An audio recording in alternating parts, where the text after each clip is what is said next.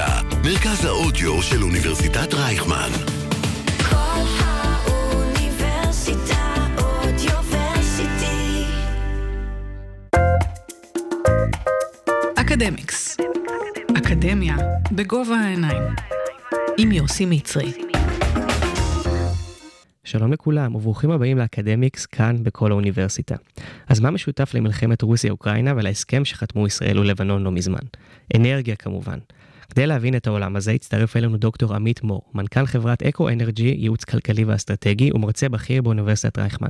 שלום דוקטור מור ותודה רבה שהצטרפת אלינו היום. שלום יוסי, שלום למאזינים. אז בעצם כדי להתחיל את הדיון אנחנו נראה טיפה על המושג בסיס, אה, מהי כלכלת אנרגיה? כן, אז כדי להבין את המושג כלכלת אנרגיה, אולי באמת אה, נסתכל על משבר האנרגיה הבינלאומי שהולך ומחמיר ממש בימים אלה, ודי פוסח על ישראל.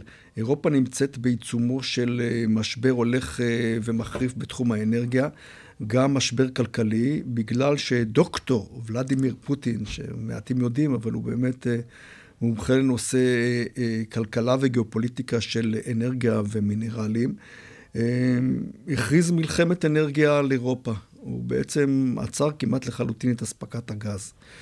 אה, אז באמת מה שאנחנו רואים בימים אלה זה כלכלת אנרגיה בהתגשמותה. כלכלת אנרגיה, אנרגיה בעצם אה, סוג של אה, מינרלים, למעט, אה, גם האנרגיה המתחדשת בעצם מבוססת על מינרלים, אולי נזכיר את זה ונדבר על זה לאחר מכן. למרות שהשמש, מקור האנרגיה הוא חינם, אבל בעצם כל הפאנלים הסולאריים וטורבינות הרוח וכולי, כולם מיוצרים ממינרלים. וכשאנחנו מדברים על כלכלת מינרלים, שסעיף מסוים בהם זה כלכלת אנרגיה, ובעיקר אנחנו מדברים על כלכלה של אה, האנרגיה הפוסילית, שהיא אה, עיקר מקורות האנרגיה שלנו בעולם, זה הנפט, הפחם והגז הטבעי, אז אנחנו מדברים על אה, כלכלה של מוצרים שברובם, ברוב העולם הם commodities, כלומר מוצרים סחירים בשווקים הבינלאומיים, שהמחירים שלהם נקבעים על ידי שיקולים של ביקוש והיצע. למעט מספר מוצרים שהם לא commodities, הם לא סחירים, ונוכל להזכיר אותם. ולכן כשאנחנו מדברים על כלכלה, על ביקוש, על היצע, על מחירים נגזרים, ובדגש על האנרגיה שהיא משאב שהעולם לא יכול להתקיים בלעדיו, למעשה מימי קדם אנשים חיממו את עצמם ובישלו באנרגיה. לאחר מכן, תחשבו על כך, היום אנחנו ממש תלויים תלות מוחלטת למשל בחשמל. תחשבו על כל אחד מאיתנו, מספר שעות בלי חשמל, אנחנו בלי סלולרי. המקרר שלנו מפשיר, אנחנו בלי אינטרנט, אנחנו, העולם היום באמת מבוסס, הולך גם ומתחשמל. ולכן כלכלת האנרגיה היא אה, מושג, כמו כל ענף אה, אחר בכלכלה, שהוא אינטרדיסציפלינרי, כי הנושא הזה של אנרגיה הוא מאוד אה, בינתחומי. מדובר פה על כלכלה, על אה, גיאופוליטיקה, על אסטרטגיה, על ביטחון. וכמובן מדיניות, וכל אחד מאיתנו בעולם צורך אנרגיה, והמשקל שלה אה, הולך ועולה, בעיקר של החשמל, לאורך השנים. לכן אה, זהו משאב שאנחנו ממש תלויים בו תלות מוחלטת. אולי אה, לא כמו מים ומזון, אבל מיד אחרי מים ומזון, אנרגיה הוא היה היום משאב בסיסי. אז בעצם נגעת בשני, אתה מוביל אותי בעצם לשאלה הבאה שלי, נגעת בעולם האנרגיה, אם נקרא, אפשר לקרוא לזה ישן יותר, שהוא דלקים, נפט, שהמקור שלו בעצם פוסילי, ויש את עולם האנרגיה החדש, שהוא באמת אנרגיה יותר מתחדשת, אולי חשמל, וגם אנרגיה גרעינית שניגע בה בהמשך. מה תוכל לספר לנו על השימוש בנפט, בדלקים. ובעצם בעולם הישן, שאנחנו רואים את ההתקדמות הטכנולוגית ואנחנו מנסים להימנע מהשימוש בהם כמה שיותר? כן, אז בואו, בוא, בוא, צריכים להבין מהם היעדים ומהם האמצעים להשגתם. העולם בעצם אה, החליט, לא כולם, אבל רוב מדינות העולם, שבעיית הבעיות הגלובלית היום זה באמת ההתחממות הגלובלית ושינוי האקלים, וכולנו מרגישים בזה, ובעבר הם היו מכחישי אקלים, מכחישי התחממות וכולי, אני חושב שגם הם די התיישרו. כי פשוט כל אחד בעולם מרגיש את ההשפעות של ההתחממות הגלובלית, שנוצרה ברובה אה, מהמעשים שלנו ב-250-270 שנה האחרונות של אה, מאז המהפכה התעשייתית, וזה פליטת גזי החממה, בעיקר דו תחמוצת הפחמן, כתוצאה משרפת הדלקים, זה התחיל עם הפחם, לאחר מכן הנפט, הגז הטבעי. אלה הדלקים הפוסיליים, זה קורא להם אה, העולם הישן, אבל אה, אני אה, טוען שלא כך, ותכף אה, אולי נסביר. אה, ועדיין 80% מהאנרגיה בעולם מבוססת על שריפה של דלקים אה, פוסיליים. הבעיית, הבעיית, הבעיות הזאת של התחממות הגלובלית ושינויי האקלים, אה, מדינות העולם, והנה אנחנו נמצאים פה בעיצומה של אה, הוועידה בשארם א-שייח, אה, הקופ אה, 27, החליטה כבר לפני אה, שבע שנים בוועידת פריז, שהיעד הוא אה, איפוס פליטת גזי חממה עד שנת 2050. אה, הוא לסין אמרה 2060, הודו טוענת 2070, אני מקווה שהם יתיישרו בסופו של דבר, למרות שזה נשמע אתגר מאוד מאוד גדול מבחינתם. ועכשיו, מהם האמצעים להשיג את אותו יעד? כלומר, צריך להפס... לאפס, וצריך תכף נדבר על המונח איפוס, זה לא הפסקת פליטת גזי חממה, זה איפוס פליטת גזי החממה. זה בעיקר דו תחמוץ הפחמן, גז המתאן, הגז הטבעי, לאטמוספירה, לא השימוש בהכרח- בהכרח. ומהם האמצעים? האמצעים הם מגוונים. ראשית, בואו נעבור לאנרגיות מתחדשות. כן, בעיקר בייצור חשמל, אולי גם קצת בתחבורה, נדבר על זה. והאמצעי השני, אולי האמצעי הראשון, הוא מה שנקרא שימור אנרגיה. מה זה שימור אנרגיה? זה שני דברים, אה, שני מונחים שמוכרים לנו, זה חיסכון והתייעלות. חיסכון, אנחנו מכבים את האור או את המזגן שאנחנו יוצאים מהחדר, מהחדר זה חיסכון. אה, או שאנחנו שמים את ה- אה, במזגן על, לא על 20 מעלות ומקפיאים את עצמנו אה, ב- בחור, בקיץ, אלא על 24 מעלות, 25, שנעים לרובנו. ובחורף נשים על 20 מעלות, 19 מעלות, ולא לא על 25. והתייעלות זה פשוט נחליף את נורות הליבון הישנות, ש-90% מהחשמל שהם צרכו יצר חום, ורק 10% אה, הפיק את האור שאנחנו אה, מצפים מהנורות, לנורות אה, פלורסנט או נור- נורות לד, שהן היום אה, הנורות הסטנדרטיות, שהן אה, מאוד חסכניות, ובעצם 90% מהחשמל מפיק אור, ורק 10% אולי מפיק חום, אז לכן הם מאוד יעילים. אז זה התייעלות. או נעבור למזגנים יעילים יותר, שמפיקים את אותו, אותה עוצמת קור, אבל בפחות חשמל. וכל ה-appliances, כמו מכשירי החשמל בב- בבית, המקררים, הכביסה והמדיחים, ו... ו- ו- ו- ו- ויתר המכשירי חשמל, כל המחשבים שלנו, הסרברים, הופכים להיות יותר ויותר חסכניים, זו התייעלות. אז זה הדבר הראשון שצריכים לעשות, כי, וזה גם החיסכון, בעצם מקור האנרגיה הווירטואלי, החיסכון הזול ביותר, כי מה שמכונה, אה, יש מגוואט שעה, או קילוואט שעה, שזה אה, כמות החשמל שאנחנו יוצרים, אה, צורכים, ויש נגוואט. בעצם מגוואט שלילי, נגוואט, שזה החשמל שחסכנו. אז זה הדבר הראשון שהעולם, אה, בעיקר אירופה, אנחנו רואים עכשיו, קודם כל, בגלל משבר האנרגיה, קודם כל חוסכים. מחשיכים את האורות ברחובות מוקדם יותר, אה, מצמצמים את החימום בבתים ובמקומות הציבוריים וכולי וכולי. אז זה הדבר הראשון שעושים, התייעלות אה, במקביל. הדבר השני, דיברנו, זה מעבר לאנרגיות מתחדשות, בעיקר בייצור חשמל. שמש, אנרגיה סולארית, אנרגיית הרוח, אנרגיית ה... האנרגיה הוותיקה ביותר, שהיא גם עדיין רוב האנרגיה המתחדשת, שזה אנרגיית ההיידרואלקטריק, זו אנרגיה שנוצרת אה, כתוצאה מאגימת, אה, איגום נהרות ושימוש במים להפעלת טורבינות, מוכר לכולם, אין לנו בארץ. האמת שיש לנו שתי טורבינות קטנטנות על הירדן. אבל אין לנו נהרות, נהר הירדן, כן, כשמו, באמת נחל. שהזרימה בו אה, מועטה. מעניין מאוד לך, מי שמתעניין, אה, בכפר הנשיא יש תחנה קטנה, שתיים וחצי מגוואט, או קיבוץ דפנה, חצי, חצי מגוואט. אלה תחנות קטנ- קטנות, אבל אה, רוב האנרגיה המתחדשת בעולם עדיין מופקת מהמים. אנרגיה גיאותרמית, שיש הרבה מאוד מקומות בעולם, לנו אין, האנרגיה הגיאותרמית היחידה שיש לנו, אני חושב שכולם אולי מכירים. חמת גדר, המרחצאות החמים, אז מים של 40-50 מעלות, אבל אי אפשר להפיק מהם חשמל. אנחנו מדברים אה, בעולם על באמת שפני הקרקע קודחים אה, מאות מטרים, ולפעמים הגייזרים, זה מאות מעלות צלזיוס, ואז ניתן להפיק חשמל כתוצאה מהאנרגיה הגיאותרמית. אנרגיית הגלים שהולכת ומתפתחת אה, בעולם, גם יש כמה חברות ישראליות שנכנסו לתחום הזה. אנרגיה הקינטית, שאולי נזכיר, אלה הן האנרגיות המתחדשות. ובעיקר לייצור חשמל, אה, גם דלקים ביולוגיים, דלקים שניתן להפיק, אה, אה, ביודיזל או, או טיל, שמפיקים אותם מצמחים, בעיקר תחליף לבנזין ולסולר, בתחבורה. כשאנחנו מדברים על תחבורה, אנחנו מדברים בעיקר על הנפט. אנחנו כבר 120 שנה בעצם מכורים לנפט בתחבורה.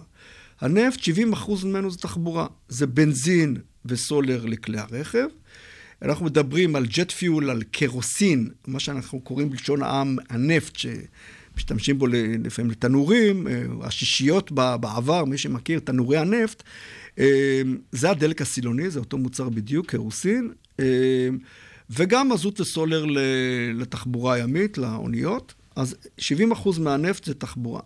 אנחנו נמצאים כרגע, העולם נמצא בעיצומו, גם בישראל, של מעבר, בעיקר ברכבים הקלים, רכבי הסידן, הרכבים המשפחתיים, לתחבורה חשמלית. כלומר, אנחנו נמצאים בעיצומו של התהליך הזה. אה, בישראל שנה שעברה שלושה אחוז מכלי הרכב שיובאו למדינה היו חשמליים. עשרת אלפים מכוניות, השנה, 2022, זה כבר יהיה כ-30 אלף, זה עשרה אחוז מכלי הרכב.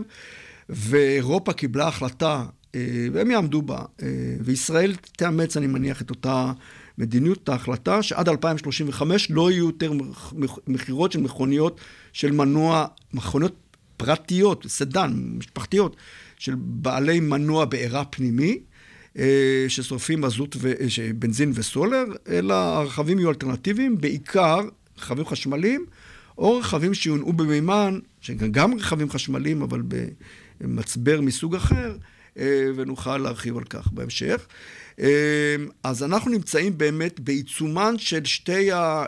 נקרא לזה מהפכה, שני השינויים הטכנולוגיים האלה, המעבר מחד לאנרגיות מתחדשות בייצור חשמל, כולל בישראל עם המגבלות באיטיות שיש למדינת האי החשמלי שלנו, האי האנרגטי, אנחנו אי אנרגטי ישראל, שיש לנו בנושא הזה, וגם בתחבורה, אלה שתי אה, באמת מגמות עיקריות שאנחנו אה, נמצאים בזה. אז בעצם נמשיך עם המגמה, ואני אשאל אותך, מהי בעצם אנרגיה מתחדשת, ואיך בעצם היא משנה את עולם האנרגיה ואת שוק האנרגיה? כן, אז אנרגיה מתחדשת, אה, כשמה אה, כן היא, היא אנרגיה שנוצרת ממקורות טבעיים שאינם מתכלים. כלומר, אנחנו מדברים בעיקר על השמש. השמש, האנרגיה הסולארית הישירה, שאנחנו בתאים פוטו-וולטאיים ממירים אותם אה, לזרם ישר, אחר כך הופכים אותו לזרם חילופי, מכיר מוכר לכולם, התאים הפוטו-וולטאיים, אה, יש אה, אנרגיה סולארית טרמית, אה, יש כמובן אנרגיית רוח, גם הרוח נוצרת כמובן בסופו של דבר מהשמש. אה, שהרוח מניעה טורבינות, מוכר, אה, אני מניח, אה, לכולם. הזכרנו את האנרגיה ההידרואלקטרית, הזכרנו את האנרגיה הגיאותרמית, אנרגיית ניצול הגלים וגם את ההפרשים בין גאות ושפל במקומות בעולם, לא כך מורגש פה בים התיכון, אבל באמת בהרבה מקומות, ואני מניח שמוכר לרוב המאזינים, בבריטניה, באוקיינוסים, באמת ה... הגאות והשפל יכול, יכולה, יכולה, ההפרש הזה מטרים רבים, אז התנועה הזאת של המים, גם היא יכולה ליצור חשמל, ויש מספר טכנולוגיות בעולם. וגם האנרגיה הקינטית, תחשבו על, על אוטוסטרדה, על כביש מהיר. הכביש, היום יש טכנולוגיות, גם כולל סטארט-אפים ישראלים, שמתחת לאספלט מניחים אה, מין פלטות כאלה, שבעצם יש... אה, פלטה, חמישה סנטימטר מתחת לאספלט, שזה בעצם, יש בפנים אה, קפיץ, ותחשבו על, אה, על כביש מהיר, שנוסעות בו משאיות ומכוניות 24-7, ובעצם כל תנועה של אה, משאית או מכונית דורכת את, ה, את, את הקפיץ הזה שנמצא באותו בלוק ומחובר לכבל חשמלי ומייצר חשמל. ויתרה מכך, תחשבו על מדרכה או קניון, יש היום טכנולוגיות, גם ישראלית דרך אגב, אחת מהן, שפשוט מתחת לפרקט או לרצפה, שמים, מתקינים את אותם אה, פלטות האלה, ובתוכן, באותו, אה, אותה ט- טכנולוגיה שהזכרתי, הצעדים שלנו, ההליכה שלנו דורכת אותם, ומייצרת חשמל כתוצאה מכך, עדיין יקר, אבל העלויות כנראה תרד, תלכנה ותרדנה בעתיד. אז אנרגיית התנועה שלנו, האנרגיה הקינטית של כלי הרכב, אפילו שלנו, אה, יכולה לייצר חשמל, והעולם הולך לכיוון הזה. אז אלה הם אה, סוגי אנרגיות מתחד... אה, מתחדשות, אני חושב שמניתי את רובן. ובפירוש יותר ויותר מהחשמל שלנו אה, מופק באנרגיות המתחדשות. בואו נסתכל על נורבגיה, כבר היסטורית יותר מ-80% מהחשמל מופק שם באמצעות אנרגיית המים, האנרגיה ההידרואלקטרית. אה, נסתכל על מדינה כמו גרמניה, שחרתה על דגלה אה, את המעבר לאנרגיות מתחדשות, שנה שעברה 2021, יותר מ-50% מהחשמל כבר יוצר שם בעיקר באמצעות האנרגיות המתחדשות. הרוח, השמש. בשוליים, היידרו. אה, והעולם הולך אה, בהחלט לכיוון הזה. בישראל לא עמדנו ביעדים אה, הממשלתיים שבעצם עמדו על עשרה אחוז ייצור חשמל באנרגיות מתחדשות ב-2020, נגיע לזה השנה 2022. היעד הממשלתי הוא להגיע ל-30 אחוז ב-2030. אני כבר קובע ומודיע, לא נעמוד ביעד הזה, לא בגלל שהמדינה לא רוצה, אלא בגלל שיש לנו בעיות מאוד אה, אובייקטיביות קשות. ראשית, יש לנו רק אה, סוג אחד של אנרגיה מתחדשת כמעט, זה אנרגיית השמש. מקומות הרוח שלנו הם מוגבלים, וגם כשיש רוח יש המון התנגדות סביבתית בעיקר, או של התושבים להקמת טורבינות רוח, אבל מי שלא היה לאחרונה בצפון הגולן, עמק הבכה, אה, באמת מוזמן, עשרות טורבינות רוח כבר פועלות. אה, בואכה אה, מג'דל שמס, אה, מרמת מגשימים לכיוון אה, מג'דל שמס, מסעדה וכולי, ועוד יוקמו עשרות טורבינות כאלה, אבל אולי בערבה בהמשך, יהודה ושומרון, ברשות הפלסטינאית, בגלבוע פועלות, ברמת צירין, כוכב הירדן. אז זה, אבל הם, רוב האנרגיה אצלנו היא סולארית. אין לנו מים, אין לנו אנרגיה גיאותרמית נכון לעכשיו, אולי יקדחו, אולי ימצאו באזור אה, חמת גדר, אה, אה, יש תוכנית לקדוח שם קידוחים עמוקים יותר, אולי נגיע למקורות חום יותר גבוהים בתת הקרקע, אבל זה פחות או יותר. אז מדינת אי חשמלי, שרוב הטורבינות או התחנות כוח הסולריות שניתן להקים דווקא בנגב או בפריפריה, יש לנו בעיית רשת מאוד גדולה. להקים קווי מתח עליון בכל העולם המערבי, גם בישראל, לוקח בין 15 ל-20 שנה. המון התנגדויות וכולי וכולי.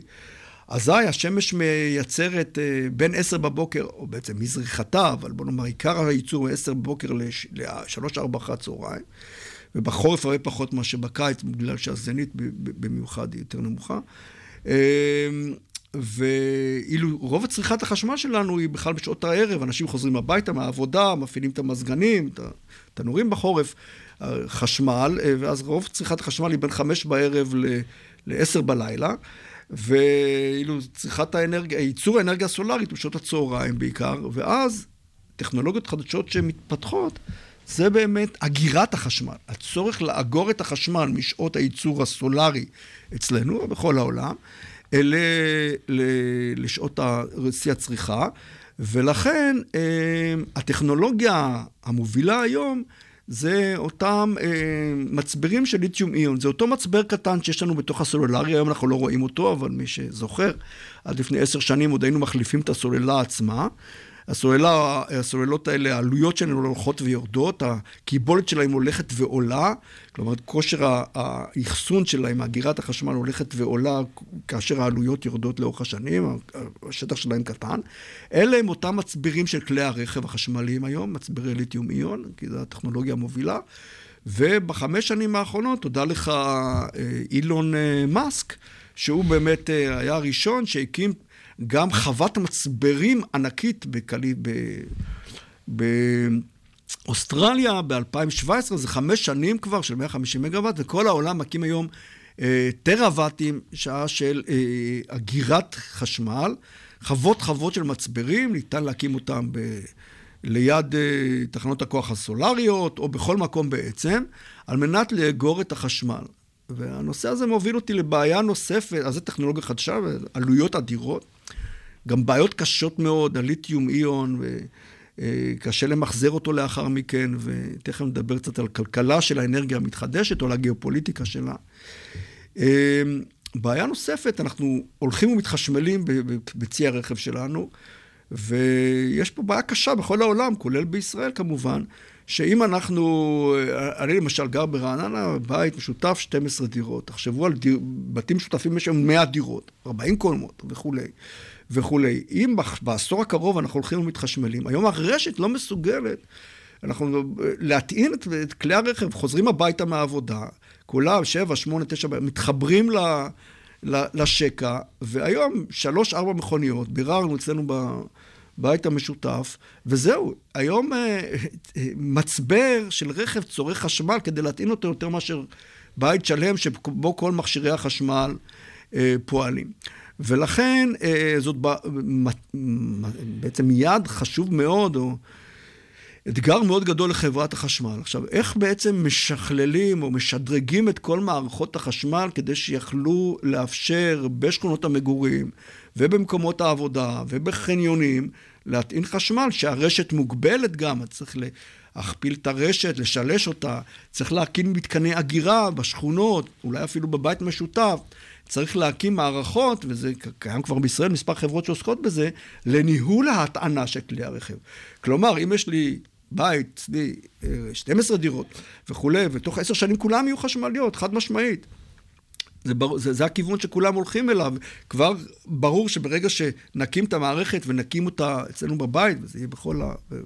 ברוב הארץ, בעולם, כבר נכין, נקים אותה, החלטה של ועד הבית שלנו, לכל הדירות יחדיו. זאת אומרת, גם מי שאין לו רכב חשמלי, אז עוד כמה שנים יהיה לו, אבל כבר עושים את ההשקעה, אז אנחנו נעשה אותה עכשיו.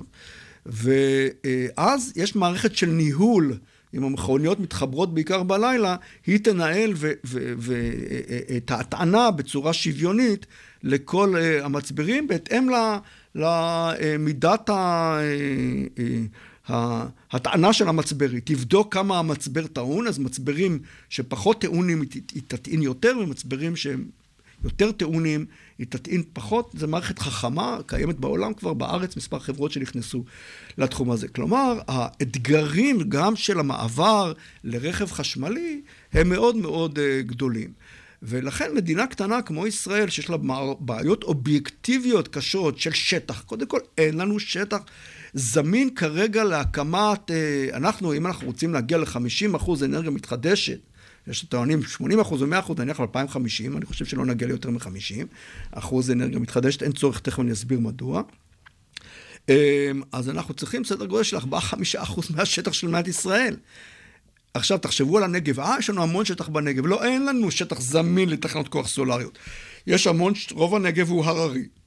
חלקו הגדול בכלל שטחי אש. חוץ מזה שמורות טבע. וקחו ארגונים סביבתיים, החברה להגנת הטבע אומרת, כן, כן, אנרגיה מתחדשת, אל תיגעו לנו בשטחים הפתוחים. לכו לדו-שימוש. וזה היעד החשוב, באמת האתגר המרכזי. בואו נקים מערכות סולריות על הגגות של הבתים הפרטיים, של אפילו הבתים המשותפים, של מבני הציבור, בצה"ל, יש הרבה מאוד מבנים. חניונים, בואו נקרא כבישים, תיסעו בגרמניה, בהולנד, יש כבישים כבר שמקרים אותם ומניחים פאנלים.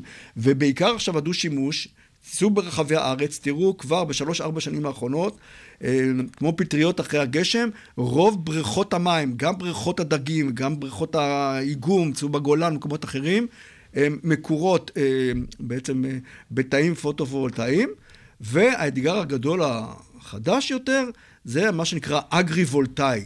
היום בעולם, וישראל היא הופכת להיות מובילה, משרד האנרגיה, משרד החקלאות מובילים היום עשרות פיילוטים כדי לקרות שדות, כדי לקרות מטעים, וזה עולם ומלואו, כי גם ברחבי הארץ השונים, גידולים שונים, אם אנחנו, המטרה היא לייצר את אותה כמות של גידול חקלאי, אבל גם לנצל את השטח ליצירת אנרגיה. אנחנו לא רוצים להפסיד ביבול החקלאי. ואז יש פה תורה שלמה, כל גידול וגידול, בהתאם ל, ל, ל, גם למיקום הגיאוגרפי שלו, מהו המרחק בין הפאנלים, כמה קרינה ישירה של שמש אה, זקוקה אותה תבואה, או אותו גידול, אותו מטע, אה, אותו עץ. וכמה הצללה אופטימלית, אז באמת הממשלה אה, מממנת אה, בעשרות מיליוני שקלים עכשיו את המחקרים האלה. והנה, אם אנחנו נדע לנצל את האזורים החקלאיים, יש ארבעה מיליון דונם של שטח חקלאי בישראל, אז ככה בדו-שימוש נוכל אה, לנצל את השטח, ויותר, יתרה מזאת, עשינו עבודה, עכשיו השלמנו לעבור דווקא משרד האנרגיה, החברה שלי אקו-אנרג'י, ייעוץ כלכלי אסטרטגי. אה, נושא חדש בעולם, ממש בשנים האחרונות, זה מה שנקרא יצ... אה, הקמת אה, איים פוטו-וולטאיים, סולאריים, באגמים ובימים. כלומר, הנה למשל ב... בים הבלטי, אה, זה דנמרק עם אה, נורבגיה, שוודיה וגרמניה, ביחד יצרו אי גדול של שתיים, שני קילומטר מרובע, שבהם ה, ה, אה, בו התאים הפוטו-וולטאיים, הפאנלים, הם מעוגנים במין יתדות כאלה, כי הגלים הם יכולים להיות מאוד מאוד גבוהים, ומצופים לקרקעית הים. ואז אנחנו מנצלים את שטח הים, למשל, לייצור חשמל. כמובן, ייצור חשמל בים בטורבינות רוח מאוד גבוהות, כבר 300 מטר טורבינות רוח, זה יותר מאשר המגדל הכי גבוה בישראל, אה, יותר גבוה ממגדל אייפל, כבר יש טורבינות כאלה, הטורבינות בגולן הן 120 מטר. אה, ואז ייצור חשמל זה, אה, נגד הרוח זה בים, אוף שור, זה כבר טכנולוגיה מוכרת. כך שהאתגרים הם מאוד מאוד גדולים, וגם בישראל הקטנה שלנו האתגרים הם לא מבוטלים. אז בעצם אני רוצה שנייה להתמקד בישראל, בנושא אולי הכי חם בכל מה שקשור לאנרגיה, וזה הגז הטבעי. אמ, מה תוכל לספר לנו על הגז הטבעי, למה הוא משמש, והאם לישראל, ישראל ממש זכתה בלוטו, מה שנקרא? אז יפה אמרת, יוסי. אני חושב שישראל אה, התברכנו במשאבי הגז הטבעי. הזה, וגם חברות אה, מאוד מקצועיות, היה נובל אנרג'י, היום זה שברון, חברה מספר 2 או 3 בעולם, שרכשה את נובל אנרג'י לפני שלוש שנים, והשותפים הישראלים. אה, הגז הטבעי, למשל, היום 70% מהחשמל שלנו מיוצר בגז הטבעי. והחלטת הממשלה, בזכות הגז הטבעי, אנחנו עומדים בשיא עולמי בפרידה מהפחם. לפני 12 שנים, 80% מהחשמל בישראל יוצר בפחם, כולם מכירים את תחנות אה, חשמל הפחמיות בחדרה ובאשקלון, ו-20% יוצר בנפט, כלומר במזוט וסולר. ותוך תקופה מאוד מאוד מהירה, בעצם השינוי התחיל ב-2004, תחנות הכוח התחילו להיות מוסבות בגז הטבעי, עם התגלית של אה, אה, מאגר ים תטיס, לאחר מכן תמר ולוויתן ב-2000, לוויתן, כן, תמר ב-2009-2010, ולפני, בראשית נובמבר, החל שדה כריש, חברת אנרג'יאן, אה, לספק גם גז. יש לנו שלושה ספקים היום, תמר, לוויתן וכריש, בלתי תלויים. והחלטת הממשלה היא שתוך uh, שלוש שנים, אבל בסוף 2025, אנחנו נפרדים לחלוטין מהפחם. חלק מהתחנות הפחמיות יישארו כגיבוי לשעת חירום. יכול להיות שלא נעמוד בדיוק בפרידה מוחלטת, אולי כמה אחוזים מהחשמל עדיין ייוצר בפחם. נכון ל-2022, כ-20 אחוז, קצת יותר מהחשמל עדיין מיוצר בפחם. ו... אה, אז זה דבר אחד. השימוש העיקרי בגז בישראל ל... ל... באמת לייצור חשמל. מעבר לזה, אה, הגז משמש כחומר דלק אה, מרכזי בתעשייה. יש כבר למעלה מ-100 מפעלים שהוסבו ממזוט וסולר לגז טבעי. הגז הטבעי אמנם הוא לא אנרגיה מתחדשת, אמנם הוא פולט דו תחמוץ הפחמן, קצת גזי גזים אה, כמו תחמוצות חנקן, אבל אה, הוא הגז הפוסילי הכי נקי שיש. כלומר, הוא פולט כ-60% פחות גזי חממה ונוקסים, אה, תחמוצות חנקן רעילות. יחסית לתחנות פחמיות, הוא, הוא לא פולט תחמוצות גופרית רעילות, וחלקיקים הוא לא, אין פליטה, כלומר הוא הרבה הרבה יותר נקי, עדיין, הוא לא גז, אה, אה, הוא לא אנרגיה מתחדשת, יש פליטה של גזי חממה, נוקסים. אה, בתי חולים, הוסבו מוסבים להדסה בירושלים, בתי חולים נוספים, בכל מרכז אנרגיה, בכל בית חולים שיש ששרף מזוט, סולר או גז בישול, אז עברו לגז טבעי. יש גם מכוניות, לא הרבה, אבל אוטובוסים, משאיות שהוסבו לגז טבעי דחוס. זה לא יתפוס בישראל הנושא הזה, המעבר יהיה לחשמל, אולי למימן בהמשך בתחבורה. כלומר, אה, אה, תעשייה כבדה, כבר כולה עברה כבר לפני יותר מעשור, מפעלי ים המלח, בתי הזיקוק, אה, מפעלי, אה, מפעל הנשר הגדול אה, של המלט שכולם מכירים, אזור בן שמן. ליד רמלה, ומפעלי נייר חדרה. אלה הם התעשיות העיקריות בישראל. אנחנו לא מדינה תעשייתית, אולי טוב שכך, וגם למעלה ממאה מפעלים קטנים ובינוניים, והתהליך שנמשך. שכונות מגורים, אז שכונות חדשות באופקים, בנתיבות, בעתיד במודיעין. בירושלים, הכרה, במקום, גם אני גרתי המון שנים בירושלים, אז רוב הבתים בירושלים יש מערכת חימום אה, מרכזית, אה, אה, שבדרך כלל שורפים סולר במרתף הבניין, יש דוד, דוד ששורף סולר, מחוממים את המים באמצעות סולר, אז יסבו אותם בהדרגה לגז טבעי. כך שהרווח למשק הוא עצום. הוא גם רווח סביבתי גדול, כי הפחתנו בצורה דרסטית. אין מדינה כמעט שהפחיתה את פליטת גזי החממה, כי הסבנו פחם לגז טבעי. אז זה באמת הייתה תרומה מאוד מאוד גדולה. גם המחיר. עכשיו, תראו משבר אנרגיה שהציבור בארץ לא מבין אותו. מי שחי היום באירופה, מחירי הגז עלו עד פי חמישה עשר. אה, אה, מחירי החשמל הסיטונאים עלו פי חמישה. מחירי הפחם עלו פי חמישה. אה, בארץ מחירי הגז הטבעי שנה שעברה ירדו ב-25%. למה? כי יש תחרות. ההצלחה הפנטסטית של מתווה הגז, שרבים התנגדו אליו בעשור הקודם וכולי, שבעצם יצר תחרות וגרם לנובל אנרג'י, שברון, ולדלק, אה, הבעלים של, אה, בעצם היחידים שמצאו את שדות הגז, שותפיהם האחרים בתמר, חברות ישראמקו ואחרים, בעצם אה, למכור את שדה, אה, שדות כריש ותנין, ויצרו תחרות בעצם בין הספקים האלה, ואז בא שחקן חדש, אנרג'יאן, שפיתח את שדה כריש, התחיל לפעול שבוע שעבר, והציע מחירים הרבה הרבה יותר נמוכים, יש תחרות, יש עודף היצע של גז, ואז המחירים ירדו. וכתוצאה מכך ש-70% מהחשמל אה, גם מיוצר בגז הטבעי, אז משבר האנרגיה הנוראי שפוקד את אירופה ואת כל העולם היום, די פוסח על ישראל. עכשיו, תחשבו על זה שמחירי חשמל עולים ב-400 אחוז באירופה. מחירי גז שהיו חמישה, שישה, מספרים, חמישה, שישה דולר ליחידת אנרגיה, מיליון BTU. מיליון BTU זה חצי טנק דלק, שווה לאנרגיה שיש ב-25 ליטר בנזין בערך, בערך. אז זה היה המחיר גם בישראל, חמישה דולר. הוא ירד לארבעה דולר, פלוס מינוס, ארבעה, חמישה דולר בישראל. ובאירופה המחירים עלו עד 80 דולר. למיליון BTU, הם נעים בין 40 ל-80 דולר, תלוי מתי בדיוק, וכך גם מחיר הגז הטבעי הנוזלי העולמי.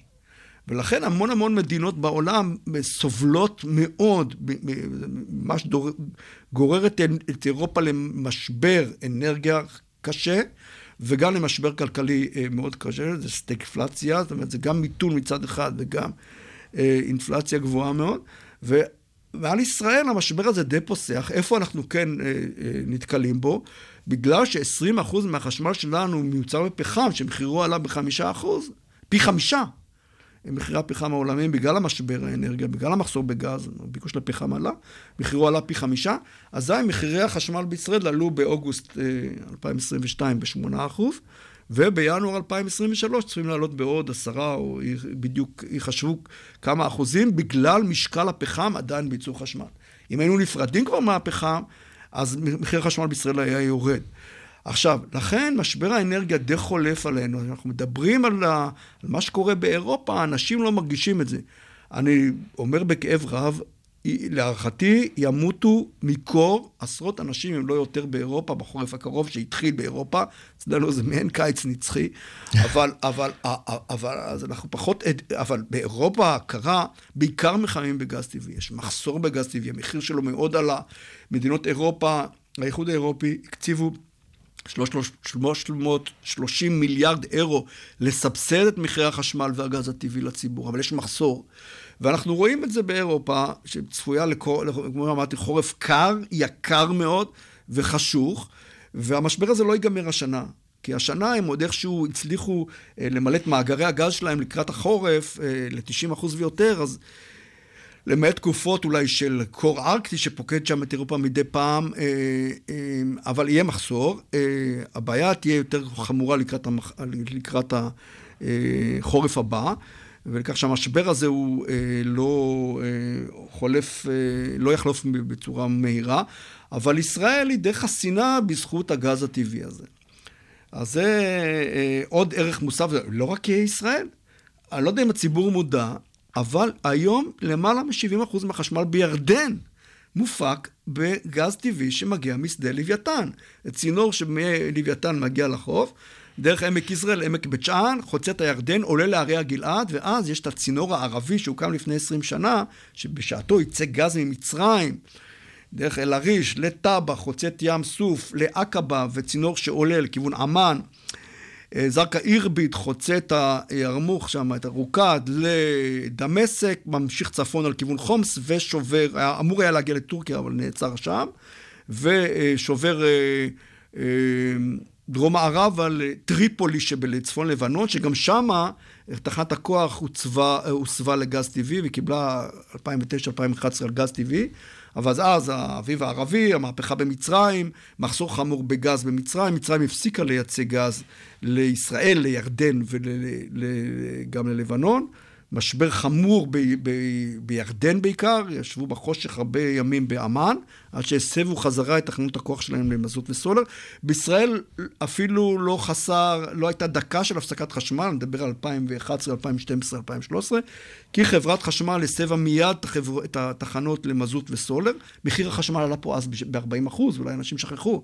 רשות החשמל פרסה את העלייה הזאת על פני שלוש שנים, ואז חובר הגז, גם באותה תקופה נגמר הגז של ים תטיס, מאגר מריבי, היה פה משבר אנרגיה, אבל התבטא לא במחסור בחשמל, אלא רק במחירי החשמל. ב-2013 חובר שדה תמר, המחירים מאוד ירדו בצורה מיידית, ובאמת אה, אה, הורחב מאוד עידן הגז הטבעי בישראל. אז נכון להיום גם ירדן מאוד מאוד נהנית מגז מאוד מאוד זול.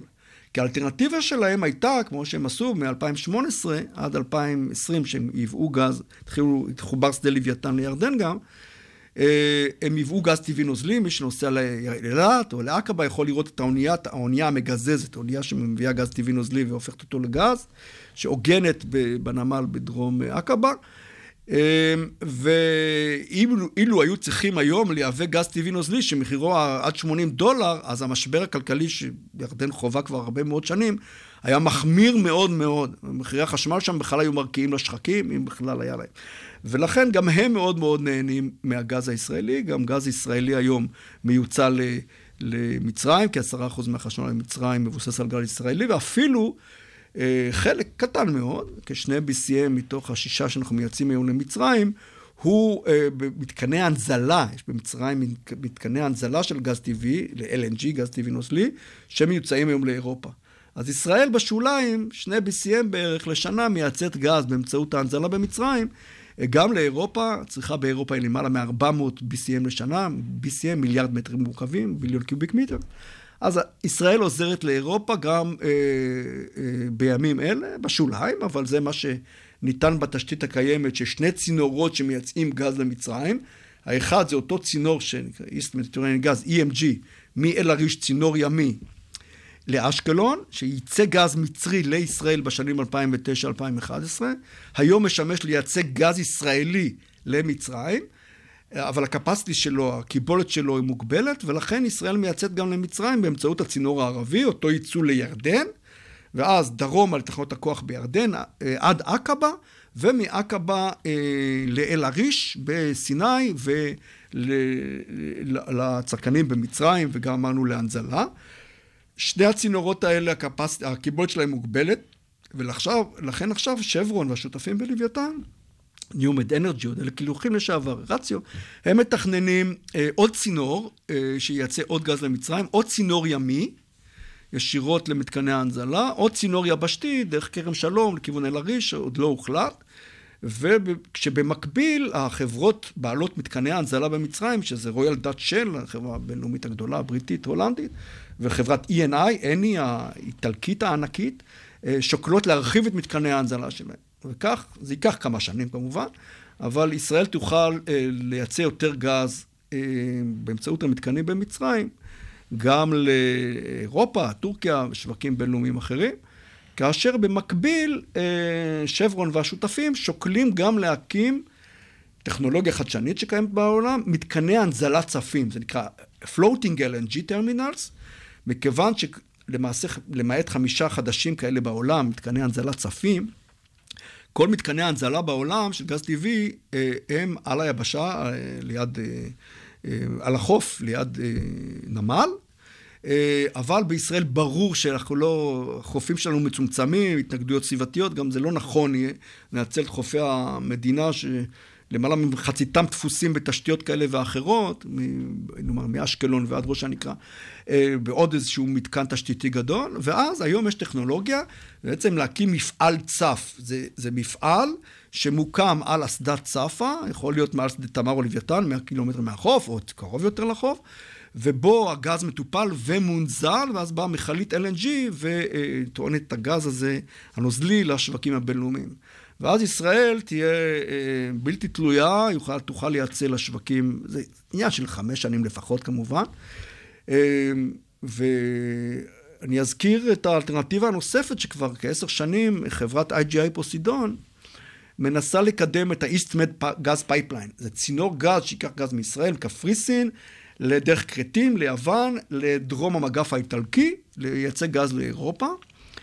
הם מנסים לפתח את הפרויקט הזה כבר זמן רב, זה פרויקט שזכה למה שנקרא Project of Common Interest, זה פרויקט בעדיפות גבוהה של האיחוד האירופי, שמימן כ-70 מיליארד, מיליון אירו את כל ה feasibilities, מבחני ההיתכנות שלו וכולי, והחברה הזאת, אנחנו עובדים איתם, הם באמת מנסים לקדם את הפרויקט הזה. הבעיה שלו ש... אנחנו לא איזה מעצמת גז. יש לנו כאלף מיליארד מטרים מעוקבים אה, שהתגלו בישראל, זו רזרבה מוכחת. כ-60 אחוז, 600 BCM, הם dedicated, הם, הם מיועדים לצריכה המקומית ל-25-30 שנה הקרובות, והיתרה 400 BCM לייצוא. ואם אנחנו מייצאים כבר 200 BCM אה, dedicated, הם כבר מיועדים לייצוא, אה, חוזים, ירדן ומצרים, ונשאר עוד 200 BCM לייצא, אני מדבר לפני כן. שהתגלה עוד גז, ולכן אי אפשר גם לייצא עוד גז למצרים, גם לייצא, אה, אה, להקים מפעלי FLNG, אה, מתקנים של, FL, של LNG צפים וכולי, וגם עוד צינור לאירופה, אין לנו מספיק גז, ולכן הנושא הגיאופוליטי הזה, כלכלי הזה, צריך יהיה לפתח את מקורות הגז בקפריסין, ושם זה סיפור שבוודאי לא ניכנס אליו כרגע. מי שעוצר את פיתוח הגז, שדות הגז שהתגלו בקפריסין, הוא הנשיא ארדואן, אה, מסיבות גיאופוליטיות, מה שנקרא The Cyprus Problem, הסכסוך הקפריסאי אה, בין הטורקים ליוונים, וסיפור אה, שאני יכול לתת, אפשר, הרצאה נפרדת על, על הנושא הזה. כך שלסיכום, הגז הטבעי הוא ברכה לישראל, שבכלל לא הזכרתי את, התגמול, את התמלוגים ואת המיסים. כבר הוכנסו כ-20 מיליארד שקל בתמלוגים.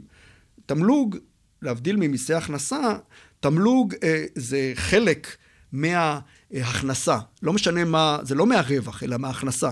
לא משנה אם הפסדת או הרווחת, 12 וחצי, 12 וחצי אחוזים, הם משלמים מאז התחיל יצ... אה, בעצם לשווק גז טבעי. אה, לשוק המקומי, לייצוא בשנים האחרונות, זה הולך למדינה כתמלוגים לקופת האוצר. בנוסף יש מס חברות, ובנוסף יש מה, מה שנקרא מס היסף, אה, רווחי יתר, מס שישינסקי מה שמכונה, שהתחיל סוף סוף להיכנס לפי הנוסחה שלו, ואני צופה שנצבור פה איזה קופת פנסיה לאומית כזאת של 40-50 מיליארד דולר אה, ב-25 שנים הקרובות, שהוקם בנק ישראל, קרן יהודית, מכונה קרן הסוברנית הלאומית, אה, קרן אזרחי ישראל, או קרן השפע, קרן העושר, קרן לדורות הבאים, אה, שצריך רוב מיוחס בכנסת כדי לגעת בכספים האלה. זה באמת צריך שעת חירום, מלחמה, רעידת אדמה, ורק הרווחים, חלק מהריבית הולך לקופת האוצר, סוף סוף מתחילים להיכנס לכספים, כבר יש שם קרוב ל-2 מיליארד שקל, יגיע לדעתי לסדר גודל של 40-50 מיליארד דולר אה, בעשורים הקרובים. אמ, ואני אסכם את הנושא של הגז, יש אה, טעות נפוצה לתפיסתי. אני בא ואומר, אפילו קובע, שהגז הטבעי הוא לא אנרגיית מעבר. הגז הטבעי הוא יישאר איתנו להערכתי עמוק לתוך המאה ה-22. אתם יודעים מה? אפילו הפחם. מדוע? כי בשנים האחרונות בעיקר, אה, התפתחה, מתפתחות עשרות טכנולוגיות, ביניהם 12 סטארט-אפים, טכנולוגיות ישראליות, שרק בשנתיים האחרונים, האחרונות אה, אה, קמו ו- ופועלות ומפתחות, של מה שנקרא carbon capture utilization ו-storage. הרי מה הבעיה? מה היעד? היעד הוא לאפס את פליטת גזי החממה עד 2050. אז אמרנו התייעלות ושימור אנרגיה, אמרנו אנרגיות מתחדשות, אמרנו המעבר לרכב חשמלי, אמרנו, אולי נדבר אפילו על הנוקליה רנסאנס, המחשבה לחזור לאנרגיה גרעינית, לייצור חשמל וכולי. אבל מתפתחות טכנולוגיות של לתפוס את הפחמן לפני שהוא נפלט בערובה של תחנת הכוח של מפעל התעשייתי, ולטמון אותו במעבה אדמה, תכף אתן מספר דוגמאות, או לייצר ממנו מוצרים. והיום יש טכנולוגיות שתופסות את דו תחמוץ הפחמן הזה. ראשית, השימוש המיידי, אבל לא נרחב, אין, אין כל כך ביקוש ענק לזה, זה כל המשקאות המוגז, המוגזים שלנו, מסודה ועד הקולה, קוקה קולה, ופשוט זה, זה, זה, זה המים, שמוסיפים להם דו תחמוץ הפחמן, זה, זה סודה, כן? או, או כל משקה, משקה מוגז אחר. אבל יש פה כמויות אדירות של דו תחמוץ הפחמן. אבל היום יודעים לייצר אה, יודעים לייצר מלט, יודעים לייצר אה, סלעים באמצעות הדו תחמוץ הפחמן וטכנולוגיות שונות, ועוד שלל מוצרים. ואתן דוגמה של אירוביישן, חברה ישראלית, סטארט-אפ אה, חדש, אבל זה כבר, הם הולכים להקים מתקן תעשייתי במתקן, במפעל פיניציה, אה, מפעל בירוחם, ששם מייצרים אה, בקבוקים, זכוכית, שבכלכלה מעגלית הולך, תופסים את הדו-תחמוץ הפחמן שה, שנוצר בתהליך הייצור של הזכוכית, ומייצרים ממנו אה, מלחים קרבונטיים, גבישי מלח כאלה, שהם מהווים חומר גלם עיקרי לייצור של הזכוכית, או אפשר לייצר מהם דשנים. אז זה רק דוגמה לטכנולוגיה אחת. באיסלנד פיתחו טכנולוגיה מדהימה, שהם קולטים בכלל את דו-תחמוץ הפחמן מהאוויר. האוויר זה 80 אחוז חנקן, 20 אחוז חמצן, אבל יש בו כמובן 0.14 דו-תחמוץ הפחמן. הם יודעים באיזשהם מפוחים גדולים לקלוט את דו-תחמוץ הפחמן, להפריד אותו מהאוויר. ואז דוחסים אותו, עם איזה איגלויים ענקיים כאלה, ואז יחד עם מים דוחסים אותו לתוך תת הקרקע, שזה קרקע, וולק... זה, זה בעצם סלעים וולקניים, בתהליך נוצר סלע. אז תחשבו, אז זה עוד סוג של טכנולוגיה. אז כשאנחנו מדברים על נט זירו, או איפוס פליטות גזי חממה, זה לא, אנחנו לא אומרים שלא יפלטו יותר דו תחמוץ הפחמן משרפת דלקים פוסיליים. אלא שמאפסים, כלומר, אם אנחנו אה, נמשיך לייצר חשמל בגז טבעי, אבל נדע למנוע את הפליטה של דו תחמוץ הפחמן, כאשר הטכנולוגיות המיידיות הן כליאה שלו אה, בשדות נפט וגז שהתכלו. פשוט ניתן לאגור שם עשרות מיליונים של טונות של דו תחמוץ הפחמן.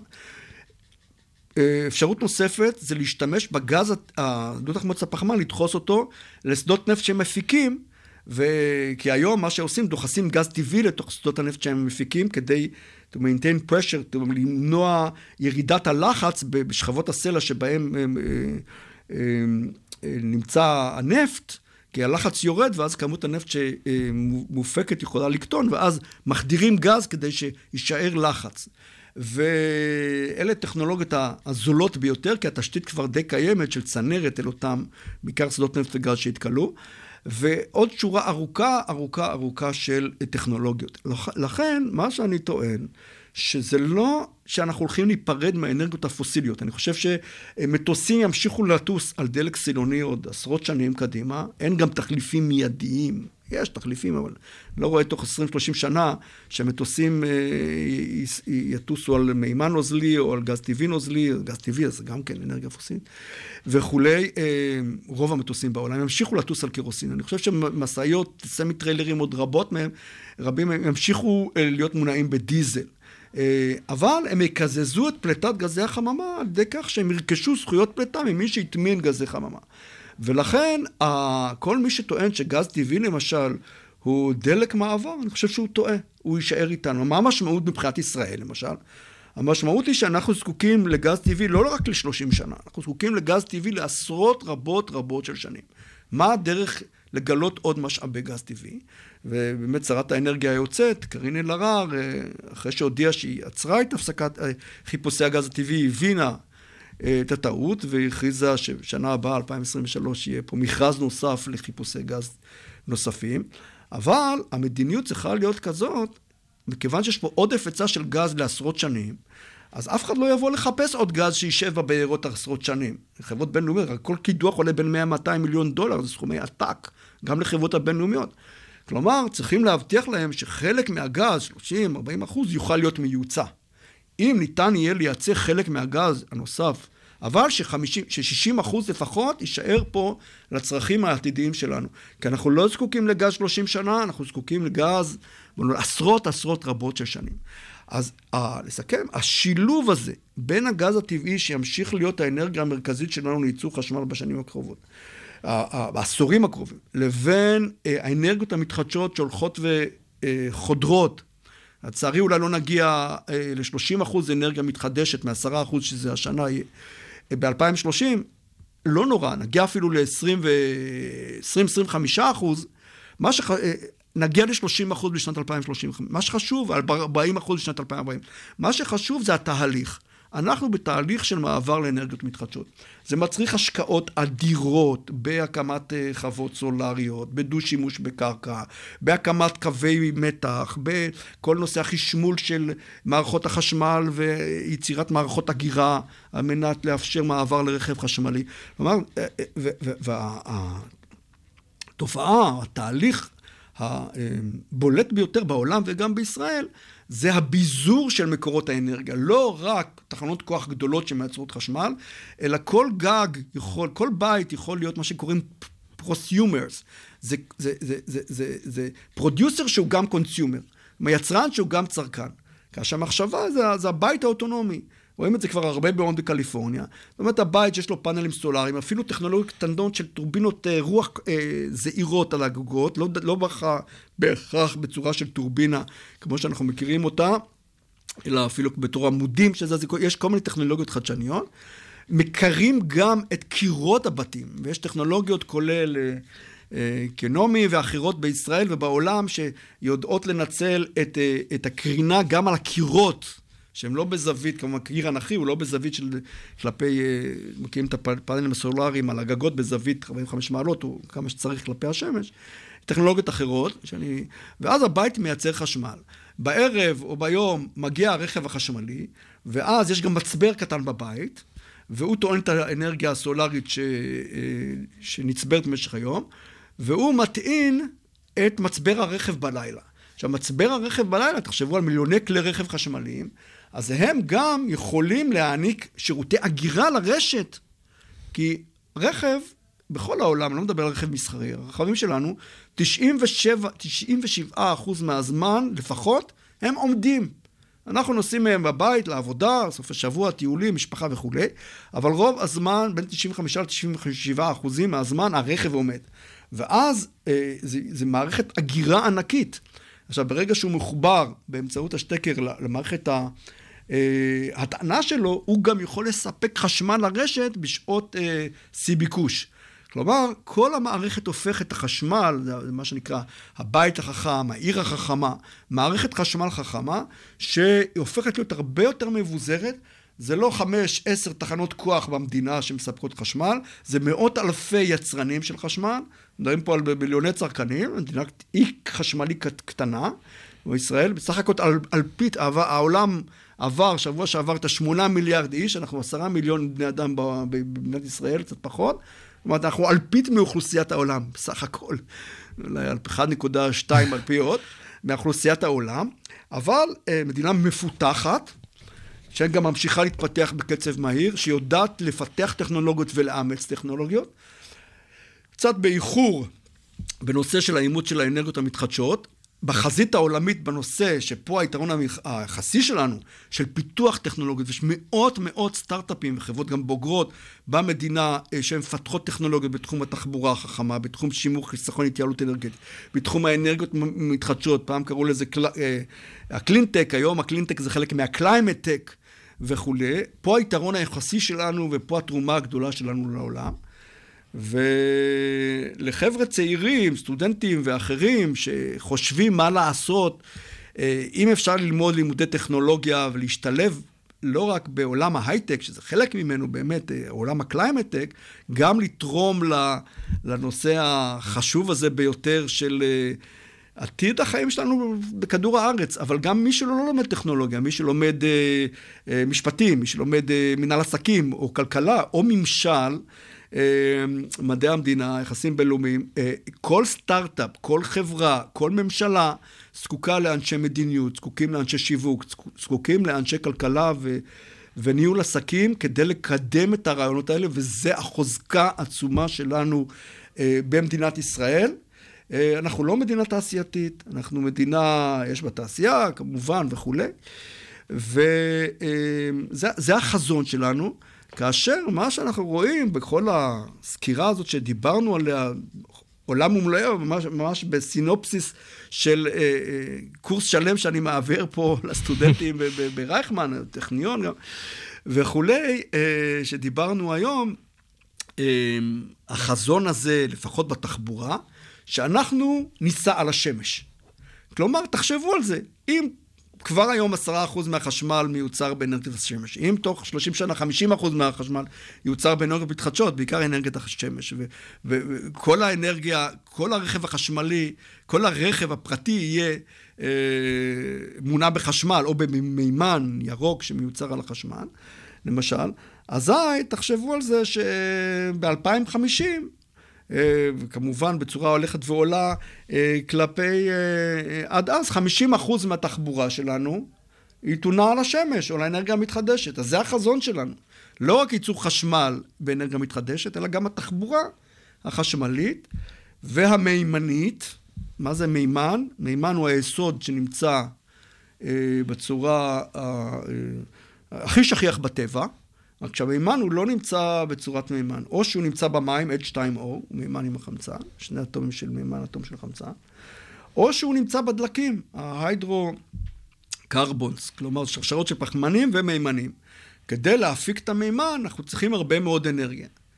כמעט כל המימן היום בעולם הוא uh, מיוצר בבתי זיקוק, או במתקנים שלוקחים גז טבעי. גז טבעי זה גז המתאן, זה בעצם מולקולה של אטום אחד של פחמן עם ארבעה אטומים של מימן, CH4, ובטכנולוגיה ותיקה כבר שנקרא Steam Reforming, רפורמציית קיטור, בטמפרטורות מייצרים קיטור, בטמפרטורות מאוד גבוהות, עם איזשהו קטליזטור, מפריטים את הפחמן עם המימנים. הפחמן מתרכב עם החמצן שבאוויר ונפלט דו תחמוצת הפחמן, המימן משתמשים בו לתעשיית הזיקוק ותעשיות אחרות. אבל אנחנו לא רוצים אה, פליטה של דו תחמוצת הפחמן, ואז יש מה שנקרא מימן כחול. מימן כחול, אנחנו משתמשים ב... אה, אה, גז טבעי לייצור אה, מימן בטכנולוגיה הזאת שציינו של רפורמציית קיטור, אבל את דו תחמוץ הפחמן אנחנו אוגרים, משתמשים בו או אוגרים אותו בטכנולוגיות שדיברנו קודם של ה-carbon capture utilization ו-storage, אז אין פליטה של דו תחמוץ הפחמן, אנחנו בתהליך מייצרים מימן וגם חמצן שיש לו שימושים כמובן, והמימן הירוק האולטימטיבי זה מימן שאנחנו מייצרים אותו באלקטרוליזה של מים, כל אחד זוכר, למדנו, היינו ביסודי או בתיכון, מכניסים שתי אלקטרודות, מעבירים חשמל לתוך אה, אה, כוס מים, לצורך העניין, בתהליך נוצר חשמל, וה-H2O, המים מתפרקים למימן ולחמצן. ואז אנחנו אה, בתהליך הזה מייצרים מימן וחמצן, אבל על מנת שלא להשתמש בפחם לייצור החשמל הזה, מימן ירוק משתמשים באנרגיות מתחדשות, שמש ורוח, לייצור המימן.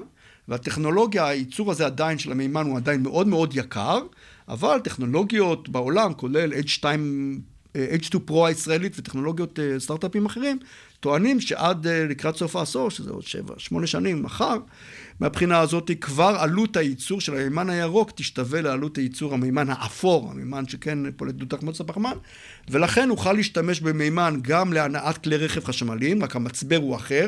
מצבר של תאי דלק, קבל מימן מוציא חשמל, ולכן יהיה לנו, אה, תא דלק יהיה מימן דחוס, זה הרצאה בפני עצמה, אבל, או שימושים אחרים, ייצור חשמל בתעשייה במימן, כלומר, אנחנו נעבור למימן, היתרון הגדול שלו שהוא מקור הדלק האולטימטיבי, כי השריפה שלו פולטת רק אדי מים, ואין שום פליטות אחרות, אבל צריך המון אנרגיה כדי לייצר את אותו מימן, ולכן באמת כל העולם הזה, כפי שראינו בפודקאסט הקצר היחסית הזה, הוא עולם ומלואו, מרתק.